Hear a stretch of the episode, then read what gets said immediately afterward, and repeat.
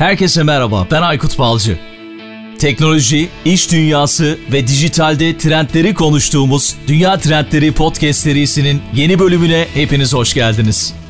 Dünya Trendleri Podcast'in 39. bölümünden herkese merhaba. Yeni bir bölümle karşınızdayım ve yeni bölüme geçmeden önce ufak bir hatırlatma yapmak istiyorum. 30 Eylül'de International Podcast Day var ve Dünya Trendleri Podcast olarak International Podcast'deydi yer alacağız. Ben orada bir sunum gerçekleştireceğim. YouTube üzerinden canlı yayınlanacak ve Eylül ayı boyunca yayınlayacağım podcast'lerde bunu sık sık hatırlatacağım sizlere. Belki sizler de orada canlı bir şekilde beni izlemek isteyebilirsiniz. Dünya Trendleri podcast hakkında merak ettiklerinizi sorabilirsiniz. Ve onun dışında da tabii ki radyo ve podcast arasındaki ilişkiyi konuşacağım. Radyo ve podcast arasındaki ilişkiden bahsedeceğim. Belki Türkiye'deki istatistikleri de şöyle bir gözden geçirebiliriz. Hep birlikte bakabiliriz. Türkiye'deki podcast ekosistemi ne durumda, nereye gidiyor? Bunlar hakkında konuşabiliriz. Güzel bir sunum olacağını düşünüyorum ve sizlerin de desteğiyle, katılımıyla güzel bir gece yaşayacağız. 30 Eylül'de Türkiye saatiyle saat 23'te Almanya. Almanya saatiyle saat 22'de hazır bir şekilde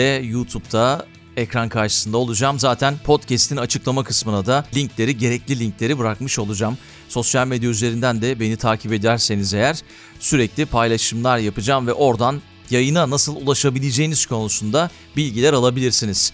Peki International Podcast Day hakkında daha fazla bilgi edinmek isterseniz 38. bölümde bir önceki bölümde bundan çok daha fazla bahsetmiştim. Ve orada o bölümde bugüne kadar bana destek olan herkese çok teşekkürlerimi sundum. Değer Yaratmanın Formülü Tasarım Odaklı Düşünme podcastinin içeriğini üreten sevgili arkadaşım Mete Yurtsever'e teşekkür etmediğimi fark ettim. Ona da çok çok teşekkürlerimi sunuyorum. Geçtiğimiz hafta içerisinde Değer Yaratmanın Formülü podcast'i, benim de severek takip ettiğim podcast, birinci yaşını kutladı, doğum gününü kutladı ve birinci yaşı çerçevesinde bir anket düzenledi, bir araştırma başlattı. Podcast'ler konusunda bir araştırma başlattı. Bu anketin de, bu araştırmanın da linkini podcast'in açıklama kısmına koyacağım. Bizlerin yani podcastçilerin sizler hakkında daha fazla bilgi edinmesi için bu ankete katılırsanız çok çok seviniriz. Yani bu araştırmaya katılırsanız çok çok seviniriz. Belki 30 Eylül'de bu araştırmanın sonuçlarını da yine International Podcast Day kapsamında orada bana ayrılan süre kapsamında orada açıklama şansını da bulacağım. Şimdiden çok çok teşekkürler. O zaman hazırız. Yeni bölüme geçiş yapalım. Bu bölümde Kadir Emre Akçı konuğumuz oluyor. Dijital İletişim Müdürü nerede? Kızılay'da dijital iletişim müdürü kendisi ve özellikle LinkedIn'den takip ettiğim kadarıyla da gerçekten işini çok çok güzel yapan, iyi yapan, başarılı yapan isimlerden biri ve bu yüzden de onunla konuşmak istedik. Kadir Emre Akçı, merhaba Emre diyeceğim tabii ben. Emre merhaba, selamlar. Nasılsın? İyi Aykut merhabalar. Sen nasılsın? Selamlar. Ben deyim uzun bir giriş yaptım. Böyle ee, heyecanlı ee, evet, bir giriş yaptım. Evet uzun ve evet yani nazik güzel sunumun içinde teşekkür ediyorum. Rica ederim. Bu arada podcast'te başlamadan önce konuşmadık. Sen şu anda neredesin? Ankara'da mısın? İnanır mısın Aykut şu anda ofisteyim halen. Ofistesin. Hmm. Hı Bir e, evet evet evet. Biraz da aslında bu ofisin şeyden mesaiden sonraki sakin halini seviyorum. Hı E, o saatleri de değerlendirmek istiyorum. O yüzden ofisteyim. Ankara'dayım evet. Kızılay'dayım. Kelimenin tam anlamıyla Ankara'nın Kızılay Kızılay semtine ismini veren kurumun genel merkezinin içindeyim şu anda. Harika. O zaman biraz seni tanımak isteriz. Yani ben tabii seni sosyal medya üzerinden tanıyorum. LinkedIn üzerinden tanıyorum ve yaptığın çalışmalara da baktım özellikle internet üzerinden. Bizim so sohbetimiz internet üzerinden oldu ama belki sen kendini böyle tanıtmak istersin bize. Neler yaptın? Şu anda Kızılay'da dijital iletişim müdürüsün ve biraz kendini anlatmanı isteyeceğiz açıkçası. Tamam. Şöyle kısaca anlatmaya çalışayım. Esasında üniversitedeki formasyonum sinema televizyon üzerine. Eskişehir Anadolu Üniversitesi sinema televizyon bölümü mezunuyum. O zamanlarda yani sinema okurken de aslında işin e, reklam tarafıyla ilgili çalışmayı hayal etmiştim hep. Fakat biraz daha prodüksiyon üzerine çalışmayı hayal etmiştim tabii. Sonra mezun olduktan sonra reklam sektörüne bir şekilde giriş yaptım. Giriş yaptım ama bu bu giriş müşteri temsilcisi, işte junior metin yazarlığı efendime söyleyeyim o şekilde kaldı. Sonra biraz böyle trendlerin gittiği yeri hafiften koklayıp bir dijital aslında sosyal medya formasyonu aldım. Hı Ee, onun, onun akabinde Kadir Aslı aldığım o 3 aylık bir kurs sonrasında Türkiye'nin o zaman için ve, ve bence halen de öyle. En iyi, işin en iyi yapan dijital ajanslarından biri olan 4129'un bünyesinde çalışmaya başladım. Hı hı. Orada bilinen büyük markalarla deneyimim oldu. Onların işte sosyal medya hesaplarının yönetimi, moderasyonu, ondan sonra raporlaması vesaire gibi konularda e, hizmet verdim. Esasında sektöre sosyal medya uzmanı olarak giriş yaptım diyebilirim ben de. Daha sonra bir mecra deneyimim oldu. Twitter'ın Türkiye satış ortağı olan Genart Medya'da e, Twitter ekibi içerisinde çalıştım bir 3 yıl kadar. Oradaki hmm. global marka deneyimden sonra da biraz böyle açıkçası İstanbul'un yoğunluğundan da kaçmak için biraz da sakin bir e, şeye adım hayata adım atmak için Ankara'dan gelen teklifi değerlendirdim ve TÜBİTAK'ta dijital iletişim uzmanı olarak görev yaptım. E bugün de bir buçuk yıldır Türk Kızılay'ın dijital kanallarını yönetmeye gayret ediyoruz arkadaşlarımla. Hı hı. Harika Böyle. gerçekten. Valla bravo. Tebrik ediyoruz. Çok da güzel işler yapıyorsunuz. Ben takip ettiğim kadarıyla. Benim neden Kızılay dikkatimi çekti ve neden podcast içerisinde onun dijital belki e, stratejilerine, dijitalde neler yaptığına yer vermek istedim. Ondan bahsedeyim. Çıkış noktam ne oldu? İlk seferinde Twitch açmıştı. Bir Twitch'ten bir kampanya yapmıştı Kızılay. Bilmiyorum sen o zaman belki var mıydın? O benim çok dikkatimi çekmişti. Daha önce bir markanın Twitch üzerinden bir şeyler yaptığını hiç görmemiştim açıkçası. Hatta o dönem TRT FM'de ben dış yapımcı olarak yayın yaparken bunu TRT'ye söyledim. Bakın böyle bir şey yapalım. Orada bir kitle var, gençler var, radyoyu tanımıyorlar. Radyoyu tanıtabiliriz e, onları çekebiliriz gibi bir şey yapmıştım. Tabii çok fazla şey gelmedi onlara o zaman. Sonrasında da TikTok'ta da bir şeyler yaptınız Kızılay olarak. Bu da dikkatimi çekti açıkçası. Ve o yüzden mutlaka senin podcast'te olman gerekiyor diye düşündüm. Teşekkür ederim. Rica ederim. Yani bu konuda ilerlediğiniz strateji hakkında belki biraz konuşabiliriz podcast'in ilerleyen Olur. bölümlerinde ya da şimdi de konuşabiliriz. Ben şunu şunu söyleyeyim öncelikle. Yani bunun buradaki çabanın e, yapılan işin sonucundan bağımsız yani baş, başa, başarısından bağımsız söylüyorum bunu. Dışarıdan bu çabanın, bu gayretin görülmesi bence çok güzel. Yani benim açımdan teşekkür ediyorum. Aynı zamanda da motive edici, çok motive edici bir, bir şey. Hani bunu görüyor olman. Sen görüyorsan başkaları da görüyordur diye tahmin ediyorum. Hı-hı. Güzel bir şey. Bu farklı şeyleri deneyen bir markanın temsil temsilcisi olarak bilinmek şahsen de kurum da aslında gurur kaynağı bir şey. Peki o zaman o mesela TikTok ve Twitch konusuna akışta devam edeceğiz. Öncesinde şunu sorayım. İçinde bulunduğumuz dönem dijitalin çok daha önemini arttıran bir dönem oldu. Hala devam ettiğini düşünüyorum ben Mart'tan bu yana. Sivil toplum kuruluşların teknoloji ve dijital dönüşüme uyumundan yani ne anlıyorsun? Uyum sağlayabildiler mi? Senin gözlemlerin neler? Belki öyle bir başlangıç yapabiliriz podcast'te.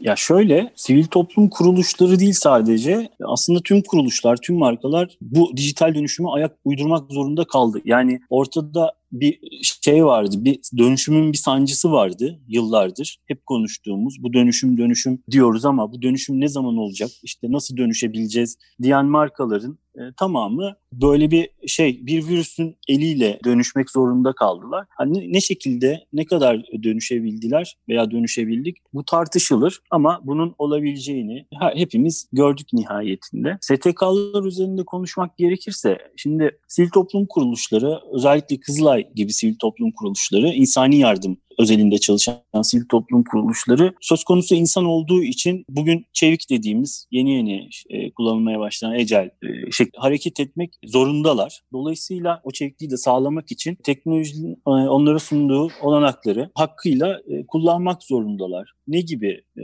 bir şeyden bahsediyorum? Öncelikle doğal afetler e, sebebiyle zor durumda kalan bölgelere ulaşım konusunda iletişim ve haberleşme araçlarının kullanımı mesela en büyük aslında teknolojiyi kullandığımız alanlardan bir tanesi. Diğer e, STK'lar için de aynısının geçerli olduğunu biliyorum. Burada mesela teknolojinizi güncellemezsiniz, haber alamazsınız. Yani bugün Kızılay üzerinde konuşayım. Güney Amerika'da olan bir afete o ülkenin e, kendi yardım kuruluşundan daha önce giden bir e, ulusal dernek olmamızın sebebi bu teknolojiyi aslında bir anlamda iyi kullanıyor olmamız. Neden? Hmm ciddi bir haberleşme ağı var. Ulaşımda kullandığınız teknolojiler var. Onun dışında işte beslenme, barınma sistemlerinizi uyumladığınız yeni teknolojiler var. Atıyorum modüler şeyler, e, barınma sistemleri vesaire gibi. Tüm bunları bir arada aslında dönüştürdüğünüz zaman tamamen çevik, anlık reaksiyon gösterebilen bir kuruluş haline geliyorsunuz. Diğer STK'lar tarafından baktığım zaman da onlar da biraz aslında işin medya tarafıyla daha çok e, şey yapıp bu tarafa e, adapte olup data kullanımını kendi dijital iş süreçlerini dijitalleştirerek daha böyle verimli hale getirmeyi başardılar diye düşünüyorum. Peki teknoloji sivil toplum kuruluşları için bir takım negatif ve pozitif etkiler yaratmıştır diye düşünüyorum. Yani sivil toplum çalışmalarında teknolojinin kullanımı pozitif ve negatif etkileri hakkında ne düşünürsün? Bu konuda neler söylemek istersin? Ee, ya açıkçası yani çok böyle ciddi bir negatif etkiden bahsedebileceğimi söyleyemem ama var onu söyleyeceğim. Ya öncelikle pozitif tarafından bakmak istiyorum işe. Bir kere e, az önceki konuda da ufaktan değindiğim bu data kullanma konusu ve iletişim konusu bizim işimizin asıl şeyini oluşturan, omurgasını oluşturan iki e, yani giriş ve çıkışını oluşturan e, işte bağış toplama ve o bağışı ihtiyaç sahibi insanlara ulaştırmadan ibaret olan şeyin omurganın aslında arasındaki bağlantıyı kurmaya yarıyor. Tabii ki bu bağlantıyı bizim dış kaynaklarımızda da kurmak için gerekli. E, şöyle, şimdi insanlara verimli şekilde ulaşmak için, etkili şekilde ulaşmak için ya bir kişiye bir öğün yemek üzerinden anlatayım. Bir kişiye günde bir öğün yemek verebilmek için e, o kişinin datasının sizde mesela kayıtlı olması gerekiyor ki hmm. ve onu iyi yönetebiliyor olmalısınız ki o kişinin o gün yemek yiyip yemediğini bilebilin. Eğer bunu yönetemezseniz bir kişiye günde işte 5 öğün yemek verir ama diğer bir ihtiyaç sahibine günde sadece bir öğün yemek verirsiniz. Bu hiç istemediğimiz bir şey. Herkese eşit derecede ve e, yeterli miktarda aslında yardım e, yapmak bizim istediğimiz şey. Dolayısıyla o datayı, o bilgiyi doğru yönetmek en başta istediğimiz şey. İkincisi bağışçılar bizim e, işimizin önemli bir kısmını oluşturuyor. Bağışçılara ulaşma noktasında teknolojiyi ciddi manada kullanmamız gerekiyor. Hem ulaştığımız kanalların doğru yönetilmesi, doğru kullanılması hem de yine dataya geleceğim. Datanın doğru kullanılması noktasında bağışçılarla temas etmemiz gerekiyor. Burada da teknoloji bize aslında pozitif bir katkı sağlıyor. Diğer taraftan yaptığınız işin iletişimi aslında bugünkü e, birlikteliğimizin de asıl konusu, konularından biri işte. Hani bir şey şeyi nasıl anlattığın değil de bazen nereden anlattığın. Hani işte Hı-hı. medium is the message konusu var ya. Hı-hı. Oraya geleceğim. Nereden anlattığın da aslında ne yaptığını gösterir. Mantığıyla yaklaştığımız zaman e, teknolojinin sunduğu bu yeni kanalları da kullanarak e, yaptığımız işi anlatmaya çalışıyoruz ki daha fazla insana ulaşabilelim. Kendimizi daha iyi anlatabilelim. Bağışçılarımızla olan iletişimi karşılıklı daha sağlıklı sürdürelim. Hı hı. Ee, buna yarıyor bizim tarafımız. Yani bize bize teknolojinin bize sağladığı pozitif şeyler bunlar. Şeye de gireceğim biraz. Hani pandemi gündemiyle beraber olayın ne dair birkaç şey söyleyeyim söz almışken. Olur ee, tabii. Şimdi biliyorsunuz şey de e, Ramazan ayında belki takip etmişsinizdir. Bir, bir e, dijital bağış toplama gecesi organize ettik biz Hı hı. E, bu daha önce yapılmamış bir şeydi Türkiye'de. Evet dönem dönem işte televizyonda görüyoruz belli konularla ilgili belli kuruluşlar için bağış gecesi yapılıyor. Biz bunu oturup şeye çevirdik. Televizyon olmasın bu. Biz dijitalde şeylere hakimiz, bu teknolojilere hakimiz. Neden bunu dijitalle yapmıyoruz? Sadece dijitalle yapmıyoruz dedik ve kısa sürede bir şey organize ettik. Televizyon programı aslında organize ettik. Bunu da işte şeydeki İstanbul'daki afet bölge afet yönetim merkezimize bir şey kurarak, bir set kurarak yayına hazırladık. Oradan da yayına çıktık. İşte bir 8-9 saat süren bir yayın yaptık bu arada. Canlı yayın. Hı hı. Sosyal medya hesaplarımızdan. Oradan e, ulaştığımız insanlardan tam 15 15 milyon TL gibi bir yardım topladık. Çok iyi. Bir gecede sadece. Hı. Evet, bir gecede sadece. Yani bu aslında bize bir yandan da büyük bir şey verdi. Yani e, dijital taraf, dijitalin ne kadar güçlü olduğunu gösterdi. Bir kez daha dijitalden biz emin olduk. E, onu takip eden mesela kurban kampanyasında, kurban e, kampanyasında şeyi reklamlarımızı dijital tarafa biraz ağırlıklı olarak yönlendirdik. O da biraz böyle daha ilk defa denediğimiz bir şeydi. Yani konvansiyonel tarafı televizyonu ondan sonra outdoor'u bu kadar böyle az kullandığımız bir kampanya yok daha öncesinde benim bildiğim. Dolayısıyla oradan da başarıyla sonuçlanan bir kampanyayla çıktığımız için yani dijital bizim artık ana mecramız haline geldi diyebilirim. E zaten Hı-hı. geçtiğimiz günlerde, geçtiğimiz hafta işte 17 Ağustos'ta bir şey yaptık. Bu sefer ilginç mesela televizyon stüdyosundan yayın yaptık ama sadece e, sosyal medyalarda e, yayınladığımız bir şey oldu. Bir buçuk saatlik bir yayın işte deprem hakkında bilinçlendirme amaçlı bir yayındı. Hı hı. Orada da mesela şeyi gördük yani doğru mecra yatırımıyla ne kadar fazla insana ulaşabileceğimizi gördük. Orada bir buçuk saatte 4 milyon izlenmeye ulaştık tüm mecralardan. Ya o da e, inanılmaz bir ya o da inanılmaz bir rakam mesela bizim için. Ya dijitalin şöyle bir şey var. Benim de sevdiğim tarafı açıkçası buradaki teknolojileri böyle oyuncaklı teknolojiler diyorum ben biraz böyle. Buradaki teknolojileri doğru kullandığınız zaman deneyip yanılarak şey görebiliyorsunuz yani. Aslında Hı. yapabileceğinizin daha doğrusunun olduğunu her zaman görebiliyorsunuz. O yüzden burada işte şey yapıp çabalayıp burada datayı doğru okuyup ondan sonra efektif yorumlayıp biraz daha her zaman yaptığımız şeyin üstüne bir tık daha koymaya çalışıyoruz yapıyoruz. Teknolojinin sivil toplum çalışmalarını pozitif etkilerini anlatmaya çalıştım. Ya az da olsa negatif etkisi tabii ki var. Ne bu? Yani sosyal medyada aslında her markanın bugün şikayetçi olduğu, her kurumun, her kişinin belki de şikayetçi olduğu bu toksik dediğimiz bilgi kirliliği bizim de başımızı ağrıtıyor. Hı-hı. Daha doğrusu sivil toplum kuruluşlarının da başını ağrıtıyor sıkça. Ya burada hem ihtiyaç sahibinin şey yapılması yani tanımlanması aşamasında bilgi kirliliği yaşanabiliyor. Gerçekten ihtiyaç sahibi olmayanlar ihtiyaç sahibiymiş gibi gösterebiliyor kendini. Hem yaptığınız yardımla alakalı e, manipüle edilmiş içeriklerle karşılaşabiliyorsunuz. Onları işte yalanlamak veya işte doğrusunu anlatmak ayrı bir iş. İnsan insani yardımla mı uğraşalım? İşte işin o kısmına mı şey yapalım, efor sarf edelim? Bunun ikileminde kalıyorsunuz. Tabii ki insani yardım diyorsunuz. Orada sizinle ilgili işte yayınlanmış yalan e, haber veya işte dolaşan yalan bilgi, yanlış bilgi kalıyor. E, siz bir şekilde işinizi yapmaya devam ediyorsunuz vesaire vesaire. Aslında her markanın şikayetçi olduğu şeyler e, bizim de negatif olarak gördüğümüz konular teknolojiyle ilgili olarak bu şekilde özetleyebilirim. Onun dışında negatif bir etki etkisi Teknolojiyi genel olarak seviyoruz. Yani bizim işimizi büyük ölçüde kolaylaştıran bir tarafı var teknolojinin. Hı hı. E, bu arada olumlu olumsuz yani negatif ve pozitif e, şey etkilerinden bahsettik ama çok Kızılay'dan böyle bahsetmedik. Kızılay'ın şöyle bir tarihine baktığımda yani kuruluşundan itibaren uluslararası Kızılaç Kızılay hareketinin doğal bir üyesi Türk Kızılay'ı ve Kızılayların ilk ve isim babasıdır diye bir şey okumuştum yanılmıyorsam. Ve buradan da Doğrudur. şuna buradan da şuna geleceğim. İlk kuruluş amacı işte savaş alanında yaralanan ya da hastalanan askerlere ayrım gözetmeksizin bunun altını çizelim. Yardım etmek arzusuyla oluşmuş ve geçtiğimiz bölümler içerisinde de biz işte Ali Ercan Özgür'ü konuk etmiştik ihtiyaç haritasından. O şöyle bir şey demişti. Dünya üzerinde son yıllarda en çok yardım yapan ülke yani en çok yardım yapan ülkelerden biri belki ilk 5 içerisindeyiz demişti. Türkiye diye bir şey söylemişti. Buradan şuna geleceğim. Ya bu ayın başlarında yayınlanan bir rapor var. 3 yıldır takip ettiğim bir rapor. 3 yıldır orada Türkiye dünyada en çok insan yardım yapan ülkeler listesinde çok şükür birinci sırada. Bu, bunu göğsümüz kabara kabara söylüyoruz. Bu raporla ilgili de detaylı bir şeyi, iletişimi e, önümüzdeki haftalarda şey yapacağız. E, yapmayı planlıyoruz. Daha detaylı rakamları daha e, düzgün şekilde, e, konsolide şekilde servis etmeyi planlıyoruz. Onun da haberini vermiş olayım. Hı hı, harika gerçekten. Yani çok, çok sevindirici bizim ülkemiz adına. Peki biz böyle bir şeyi niye, niye yaparız? Yani biz bizim Dünyaya bir misyonumuz var anladığım kadarıyla ve hem de yardım etmeyi seviyoruz. Kızılay'ın ilk başladığında kuruluş amacına baktığımızda o amaçtan çok daha farklı bir şekilde yoluna devam ediyor. Gerçi orada da hiçbir ayrım gözetmeksizin yardım etmek arzusuyla doğmuş. Sence niye ya- biz yardım ediyoruz? En çok yardım ya şöyle ülkeyiz. yani Kızılay'ın tarihinden de alayım biraz konuyu. Şimdi 1868 Hı-hı. kuruluş Osmanlı yaralı ve hasta askerlere e,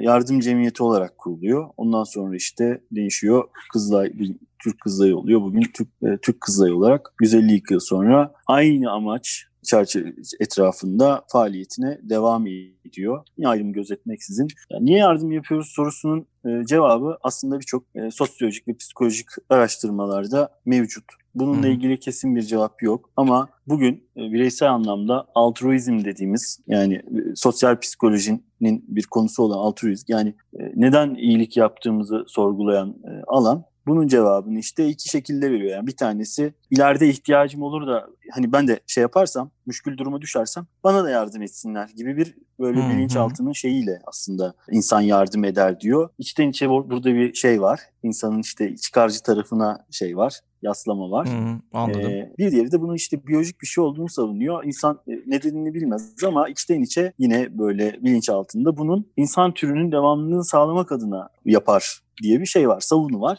Biz bilmiyoruz. Yani bunun neden olduğunu açıkçası bir noktada şey yapmayı bıraktım, sorgulamayı bıraktım. Hı hı. Bir şekilde Türkiye'de Türk insanı dünyanın geri kalanından da farklı olarak daha tutkulu bir şekilde bu insani yardım çalışmalarında yer almak istiyor. Türkiye'nin de bu alanda dünya genelinde ön sıralarda olmasından oldukça mutlu. Hı hı. Ee, İyilik yapmayı, yardımlaşmayı gerçekten çok seviyoruz. Aynen öyle. Hı Aynen. Sos. Ya bizim ya, ya bizim milletimiz şimdi Kızılay'ın tarihi içerisindeki değişik şeylere baktığımız zaman tarihçeye baktığımız zaman da kritik dönemlerde milletin elini taşın altına soktuğu zamanlar böyle ilginç zamanlar yani. Aslında yokluk zamanı da şey oldukça böyle paylaşmayı bilen ve seven bir milletiz yani. Geçmişten geçmişten bugüne bu böyle gelmiş. Ben böyle gideceğine de inanıyorum. Hı hı. Zaten böyle hani sosyal medyada e, görüyoruz ya sosyal deneyler yapıyorlar işte. Hem Türkiye'de yapıyorlar sosyal deneyi. Hı hı. Farklı farklı ülkelerde yapıyorlar. Türkiye'deki insanlar çok daha farklı yaklaşıyor o sosyal deneylerde daha iyiliksever, yardımsever yaklaşıyor. Farklı farklı ülkelerde farklı yani daha değişik yaklaşımlar karşımıza çıkabiliyor. Hani bu bir ölçü müdür bilmiyorum tabii ama gördüğüm kadarıyla hoşumuza gidiyor yani bizim iyilik yapmak ve insanlara yardım etmek, yardım seven olmak. Ha buradan şuna geleceğim. Şimdi yine yaptığım araştırmalarda ve bir önceki podcast'lerde bu konuşulmuştu. Dünya üzerinde sivil toplum kuruluşlarının en büyük sorunlarından biri yardımların %100 e, olarak yani yardımseverlere ulaşamıyor olması. Bunun da birçok sebebi var tabii ki. İşte nedir? Şey giderleri, personel giderleri, farklı giderler, e, farklı şeyler yüzünden %80 gibi bir şey yanlış hatırlamıyorsam. Neyse istatistik doğru olmayabilir. Yani yaptığımız yardımın %20'si yardımsevenlere ulaşıyor gibi bir şey aklımda kalmış. Buradan şuraya şuraya girebiliriz belki işte Kızılay gibi Türkiye'deki sivil toplum kuruluşları e, faaliyetlerinde belki teknolojiyle bunun önüne geçebilirler. Bu anlamda senin gözlemlerin işte Türkiye'deki STK'ların dataları e, daha çok kullandığını söyledin ama farklı teknolojiler kullanılarak, dijital iletişim araçları kullanılarak belki bunlar çözülebilir. Bunları ne ölçüde kullanıyor Kızılay ya da Türkiye'deki STK'lar? Belki bundan bahsedebilirsin bize. Şöyle yani bu bu operasyonel gider e, bu arada olmak zorunda. Hani yüzde seksen e, bundan emin değilim net ama Hı-hı. hani e, operasyonel gider gerçekten her sivil toplum kuruluşunun ciddi bir gider kalemi ama bu olmak zorunda. Yani siz doğrudan yani bir e, nakdi bir yardımı bile kesintisiz bir şekilde ihtiyaç sahibine ulaştıramıyorsunuz. Orada da atıyorum işte EFT veya transfer masrafı olarak banka kesinti yapıyor. Bu da bir operasyonel gider veya yani bir, bir kuyu açacaksınız diyelim. Açılması gerekiyor daha doğrusu. Şimdi o kuyunun açıl, açılması için gerekli bir şey var. İşte e, maliyeti e, var. Para var. Hı-hı. Bu tabii maliyet var.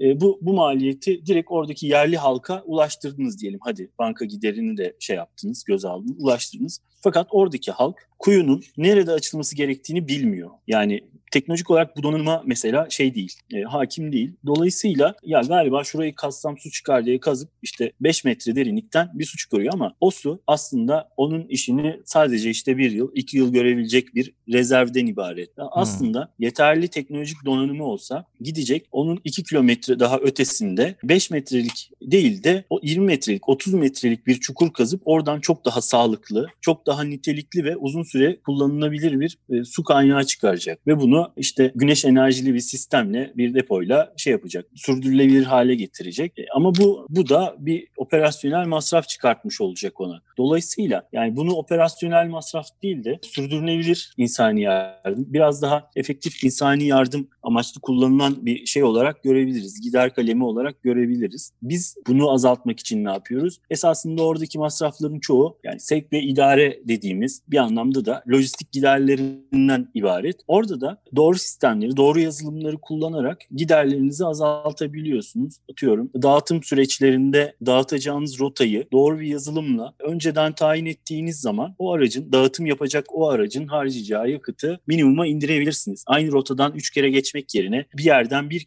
kere geçerek dağıtması gereken erzağı, yardımı her neyse hı hı. E, etkili şekilde o masrafı minimuma indirerek dağıtabilir. Bu gibi yazılımlar aslında biraz daha böyle önümüzdeki yıllarda e, STK'ların operasyonel giderlerini azaltacaktır diye düşünüyorum. Biz de çünkü etkisini o şekilde görüyoruz. Biz mesela SAP kullanıyoruz bu anlamda. SAP'den bahsetmişken de hani kurumsal dijital dönüşüm sürecimize değineyim. Mesela yani şey de kullanmıyoruz artık biz Kızılay'da hiç basılı evrak falan kullanmıyoruz, kağıt kullanmıyoruz. %100 kullanmıyor muyuz? Hayır çok nadiren de olsa tabii ki kullanılıyor kağıt ama bütün süreçlerimiz dijital ilerliyor kurum içerisinde. Ya bununla ilgili çok e, denk geldi bir örnek vereyim. Bu Almanya'da burada hala kağıdı bırakmamışlar. Ya enteresan bir şekilde belki o hani güvenlikle alakalı nedenlerden dolayı sanırım veya yasalardan dolayı.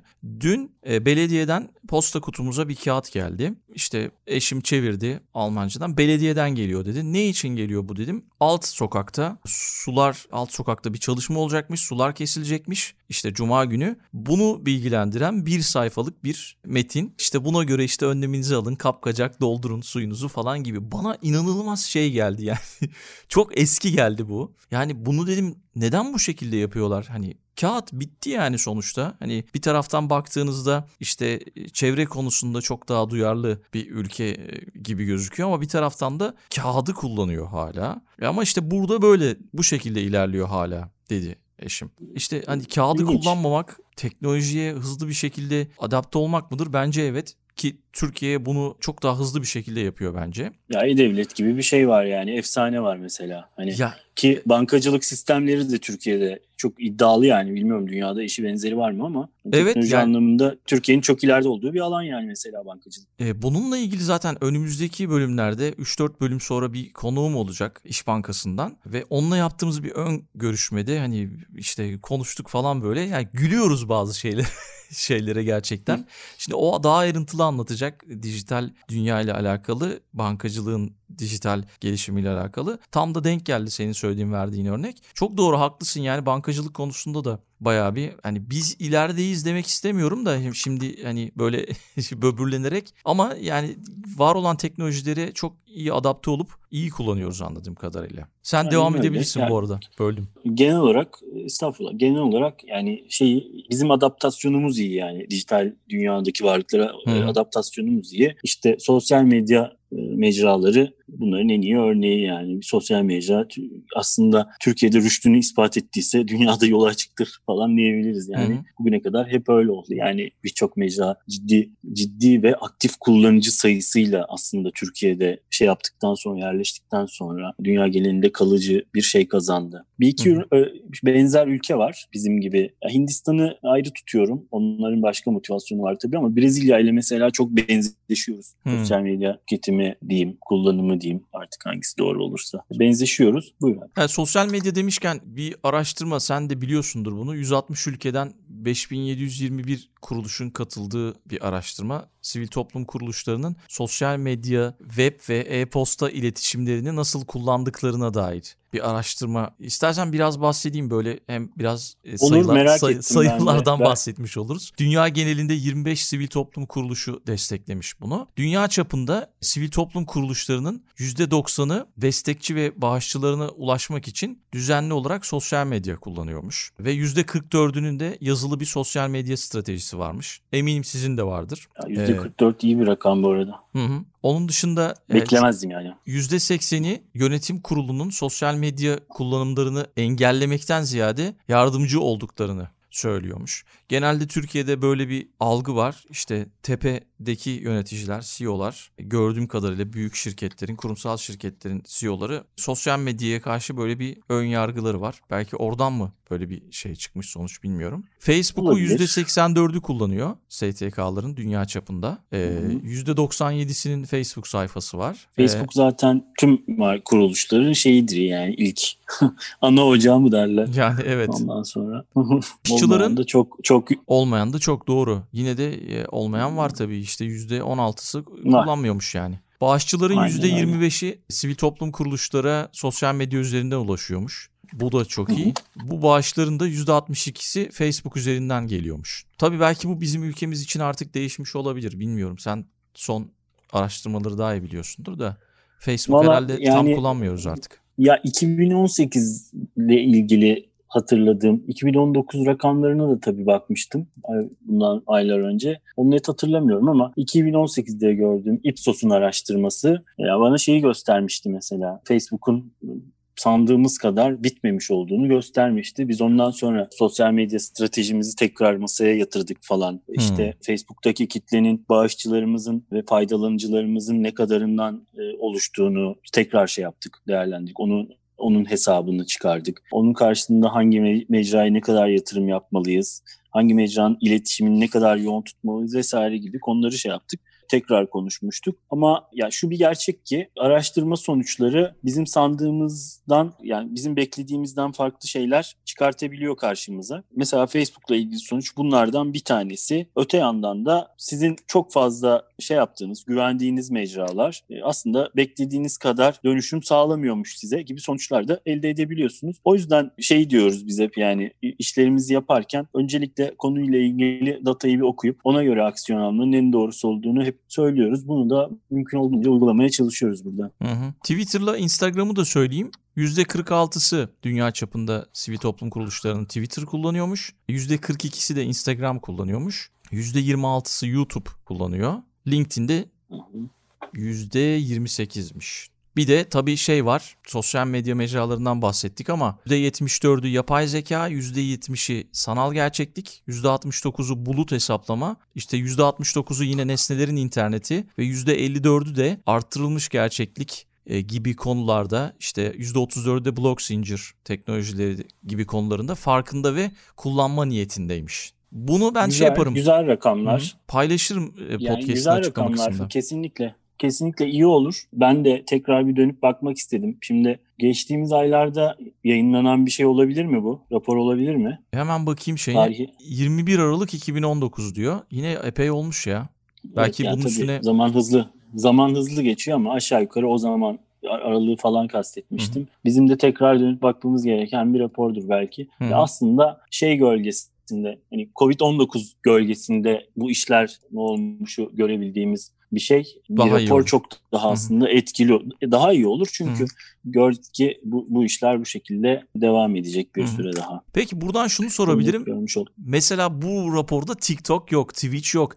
Mesela işte sizin TikTok kullandığınızı biliyorum ve yanılmıyorsam da Türkiye'de ilk değil mi TikTok kullanan? Ya ilk TikTok kullanan ilk markamız değiliz, değil miyiz bilmiyorum ama onunla ilgili bir şey diyemem. TikTok'ta kampanya yapan ilk şey olabiliriz, kuruluş olabiliriz. Hı hı. E, Tok'ta e, en geniş kitleye ulaşan ilk kuruluş olabiliriz. Bunu bunu söyleyebilirim. Ya yani, Tok konusu ayrı bir konu. Hani biraz böyle o gerçekten şeyi söyleyeyim yani hani e, övünmek için değil ama e, nasıl geliştiğini anlatmak adına söyleyeceğim. Hı hı. Bir şekilde e, oradaki kullanıcı yani aktif kullanıcı sayısını merak edip oranın kaçınılmaması gereken bir alan olduğunu en başta şey yaptık. Ya şunu savunmuyorum. TikTok mecrasında aslında hiçbir mecra için savunamam bunu. Yani her mecra, her marka için, her kuruluş için, her kişi için doğru mecra değildir. Bunu zaten yıllardır söylüyoruz. Hani TikTok da onlardan bir tanesi. Bizim TikTok'ta o, olmaktan işimizin asıl sebebi zaten faaliyet alanımız tüm insanlık olduğu için orada olan herkes bizim zaten faydalanıcımız ya bağışçımız olarak hedef kitlemiz aslında. Dolayısıyla orada olmakta hiçbir sakınca görmedik. Yine de mecraya çok aşina olmayan arkadaşlarımızı başlarda biraz zor ikna ettik. Onu söyleyebilirim. Hı-hı. Fakat TikTok'un bize sağladığı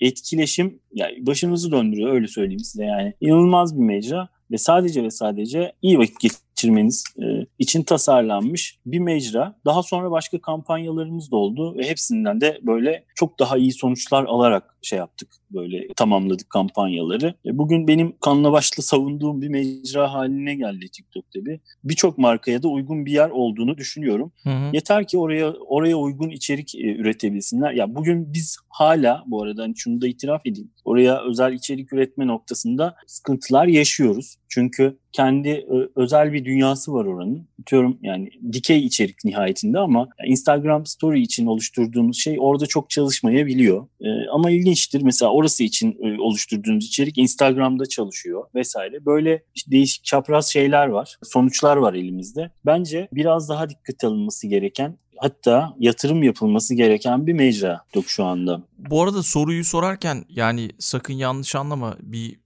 TikTok'a karşı bir ön yargım olduğu için sormadım. Böyle bir ön yargı var. Aa, ha ee, estağfurullah. Ee, ben verdiğim cevap acaba öyle mi? Senin öyle ifade ettiğin Yok mi yok. Şey Hayır sadece ben Heh. dipnot olarak onu söyleyeyim. Yani ben de TikTok'u savunuyorum yani. Mutlaka bence orada bir şeyler markaların yapması gerektiğini düşünüyorum. Ha kendim açtım mı? Evet açtım podcast için ama pek bir şey yapmadım. Hı hı.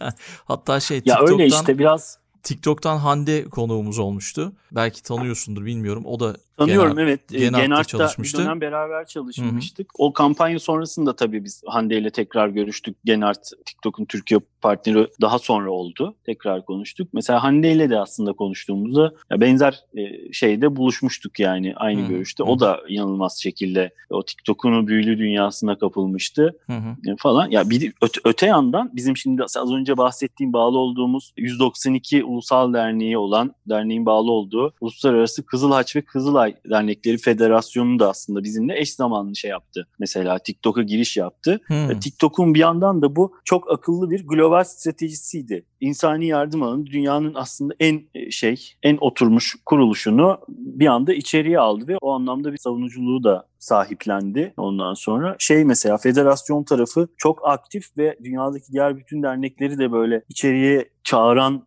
şey bir e, aktivist yapısıyla orayı kullanıyor şu anda. Şu anda federasyonun en aktif kullandığı, en çok takipçisi olan, en çok etkileşim aldığı mecra orası. Harika gerçekten. Yani Facebook, Twitter, Instagram falan değil, TikTok. O zaman Biz o tabii yani federasyondaki arkadaşlarla da şey e, dönem dönem konuşuyoruz. Zaman zaman işte yurt Türkiye'de veya yurt dışında çalıştaylar oluyor bir araya geldiğimiz dediğimiz. Gerçi bu pandemi sebebiyle 8 aydır falan bir araya gelemedik ama dijital mecralardan haberleşiyoruz. Onlar da sürekli böyle ya TikTok'ta şu vardı işte bunu yaptık şimdi bugün bunu yapacağız falan diye böyle dünya genelindeki bütün dernekler bir anda şey oldu oldu, dokçu oldu. Hatta uzak doğu bizzat işte diyorum Endonezya kızlayı ya işte Malezya kızlaçı falan neyse çalışanlar bizzat kendileri orada aktör olarak yer alarak içerik üretiyorlar. Hı hı. Peki bu teknolojik dönüşümlere uyum sağlama konusunda Türkiye'de sivil toplumun kapasitesine ilişkin bir değerlendirme yapmanı istesem senden. Belki dünyadan ve Türkiye'den başarılı örnekler de verirsin. Hani az önce bahsettin ya. Şunu söyleyeyim yani Kızılay özellikle son 3 yılda şeyden de aldığı güçle, Avrupa Birliği'nden de aldığı destek ve güçle bu teknoloji kullanma kapasitesini aslında olabilecek en üst seviyeye çıkarmış durumda. Ya burada yine övünmek için söylemiyorum. Bir gerçeği paylaşayım sizle. Hı-hı bugün biz az önce bahsettiğim uluslararası çalıştaylarda yani derneklere şunu anlatıyoruz ve bağlı olduğumuz federasyona çalıştaylarda bu işleri nasıl yaptığımızı anlatıyoruz aslında. Onlara tabiri caizse bir yol gösteriyoruz bağış toplama teknolojilerini kullanma şeklimizi, ondan sonra iletişimi yani hem e, etkileşimi hem de bağış toplamaya hizmet eder şekilde nasıl kullandığımızı e, aslında bizden keyifle dinliyorlar uluslararası derneklerdeki arkadaşlarımız. E, açıkçası kötülemek için söylemiyorum onları yani dünyanın genelinin bir şeyi hmm. e, bulunduğu bir seviyeden bahsedeceğim. Biraz şeyler uzaklar buralara yani bizim böyle 5-10 yıl önce kullandığımız yöntemleri, teknikleri kullanıyorlar. Biz biraz orada kendilerine yol gösteriyoruz. O anlamda tabii ki kurum adına övünüyorum ama e, bu kişisel başarı anlamında anlattığım bir şey değil. Yani burada ciddi bir ekip çalışması var. Müthiş bir vizyon var en üstte. O vizyona yetişmeye çalışan, ondan sonra o vizyon dahilinde hedefe ulaşmaya çalışan ciddi bir insan kaynağı var burada yani. Yani akıllıca seçilmiş. O yüzden ya şeyi teknolojiyi e, aslında yerleştirmek kadar onu kullanacak şey de önemli diye düşünüyorum ben. İnsan kaynağı da önemli yani. Ee, sonuçta eski teknolojiyle çalışan şeylere, zihinlere yeni dünyada iş yaptırmanız çok kolay değil. Hmm. Ürün ürettirmeniz çok kolay değil. Ya insanların aslında zihnini de bir noktada hazırlamanız gerekiyor. Yani gördüğüm kadarıyla Kızılay hem dijitalde gündemi çok yakından takip ediyor hem de sosyal medya mecralarında alışılagelmişin dışında stratejiler izliyor ve bunun da meyvesini vermiş, almış gibi gözüküyor gördüğüm. Yani ben dışarıdan biri olarak gözlemliyorum yani tabii. Teşekkürler. Yani biz de öyle olduğunu düşünüyoruz. E, önümüzdeki sonuçta e, raporlar da bunun öyle olduğunu söylüyor baktığımız zaman. Ama bu tabii ki sürdürülebilir bir şey olmak zorunda. E, benim yani dijital dünyanın dijital dünyaya, teknolojiye dair zaten en çok hoşuma giden, bazen yoran ama e, beni buraya bağlayan e, en önemli şey zaten e, sürekli gelişen ve değişen bir dünya olması. Yani o anlamda benim de kendimi geliştirmem gerekiyor. Ekibimi de güncellemem gerekiyor. E, kurumun vizyonunu belki de bir, biraz daha farklı yerlere taşımam gerekiyor ama nihayetinde hiçbir zaman durmayı kabul etmeyen bir dünyanın içerisinde çalışmaya çalışıyoruz. Sonra e, bunu da nihayetinde daha fazla insana daha etkili şekilde e, yardım etmek için yapıyoruz. En temelinde tabii ki bu insani motivasyon var. O olmasa evet elbette yine işimizi aynı e, tutkuyla yapardık ama işin sonunda bu kadar tatmin olur muyduk? bilmiyorum. Yani işte bu dijital dönüşüm lafı son dönem içerisinde işte Şubat'tan beri çok daha fazla dillendiriliyor. O dijital dönüşüm için bir kere en başta değişen iletişim süreçlerinin ve araçlarının farkında olmak geliyor. Onun da farkında olan olarak işler yaptığınız için de fark yaratıyorsunuz diye düşünüyorum. Senin de söylediğin gibi. O zaman yavaş yavaş sona geldik. Sona doğru geliyoruz ama şeyi soracağım. Pandemi tabii pandemi sonrasını soracağım ama pandemi bitmedi. Böyle biter gibi oldu. Bir tekrar şu an devam ediyor anladığım kadarıyla. İnsani yardım kuruluşları bu dönemde nelere odaklanıyorlar? En azından şu anda Kızılay nezdinde belki bir şeyler söyleyebilirsin veya pandemi sonrası nelere Güzel. odaklanacak? güzel konu. Aslında bizim çok güzel bir konuya değindin. Ee, şimdi pandemi sonrası insani yardım kuruluşları e, ne gibi konulara odaklanmalı? Biraz aslında evde bakım hizmetleri mesela gündeme gelebilir. Ee, daha çok merkezi noktalardan değil de yerelden e, insanlara Hmm. ulaşmaya e, odaklanabilirler. Bu Kızılay'ın avantajlı olduğu bir şey aslında durum. Neden? Çünkü bizim Türkiye özelinde 81 ilde 350'ye yakın şube ve temsilciliğimiz var. E, bu şu olanağı sağlıyor. Biz bizzat bir ilde, ilçede yaşayan insanın evine yereldeki bizim şeylerimizde, kılcal damarlarımızda ulaşabiliyoruz. Şu örnekle anlatayım. Pandeminin daha ilk başında yani Türkiye'de sokağa çıkma yasaklarının başladığı ilk haftalarda ki bir kısmı da Ramazan'a denk gelmişti geçti. Hı-hı. Biz sokağa çıkıp şeylerimizle, şubelerimizle, gönüllülerimizle e, sokağa çıkıp insanları e, direkt kapılarını çalıp onlara su, ekmek, işte Ramazan'da pide yardımı yaparak aslında şey yaptık, e, insanlara ulaşabildik. Bunu merkezden yani şehirlere yayılmış, gönüllü teşkilatları olmayan diğer dernekler bunu yapamadı mesela. Biz onların yardımlarını da kızlay olarak e, insanlarımıza ulaştırdık. O anlamda elimiz çok güçlüydü. E tabii yurt dışında da 15 noktada bizim daimi delegasyonlarımız var. Şöyle doğudan batıya doğru geldiğinde işte Endonezya ile Endonezya'dan başlıyor. Pakistan, efendime söyleyeyim Güney Sudan, Sudan, e, ondan sonra Yemen, e, Senegal, Bulgaristan, işte Bosna Hersek diye arada sayamadığım ülkelerden oluşan 15 ülkelik bir şey var. Daimi delegasyonlarımız var. Bunlar da o ülkelerde aynı hizmeti sağlamamızı, sağlamamızın önünü açtı. Tabii hizmet özelinde bakacak olursak yerelden temin ve yerel yerele iletme noktasında bu şekilde ilerliyoruz ama hizmet özelinde de az önce bahsettiğim evde bakım hizmetleri şeyi kullanarak teknolojiyle ilgili olarak da yine dönüp dolaşıp dolaşıp iletişime geliyor konu. Birebir iletişim faydalanıcıyla birebir iletişim sağlanacak kanalların oluşturulması ve e, o kanallar üzerinden faydalanıcılara hem psikolojik hem de maddi desteğin e, sağlanabilmesi bence STK'ların yeni dünya düzeninde aslında üzerine konuştukları konuların başında geliyor. Bizim uluslararası taraftaki şeylerimiz de paydaşlarımız da aslında biraz biraz bunları konuşmaya başladılar. Bu hizmetleri vermeye de başlayanlar var. Hı hı. E, bizim mesela psikososyal destek birimimiz var. E, oradaki arkadaşlarımız, oradaki psikolog arkadaşlarımız pandemi sürecinde çok fazla insanı arayıp ihtiyaç sahibi ama psikolojik desteğe ihtiyaç sahibi olan insanı hmm. arayıp de, telefonla destek sağladılar mesela. Ondan sonra WhatsApp üzerinden destek sağladılar. Ya bu ciddi bir hizmetti mesela bizim tarafımızda. Korona gündemiyle e, kendimizi adapte ettiğimiz yeni bir süreçti.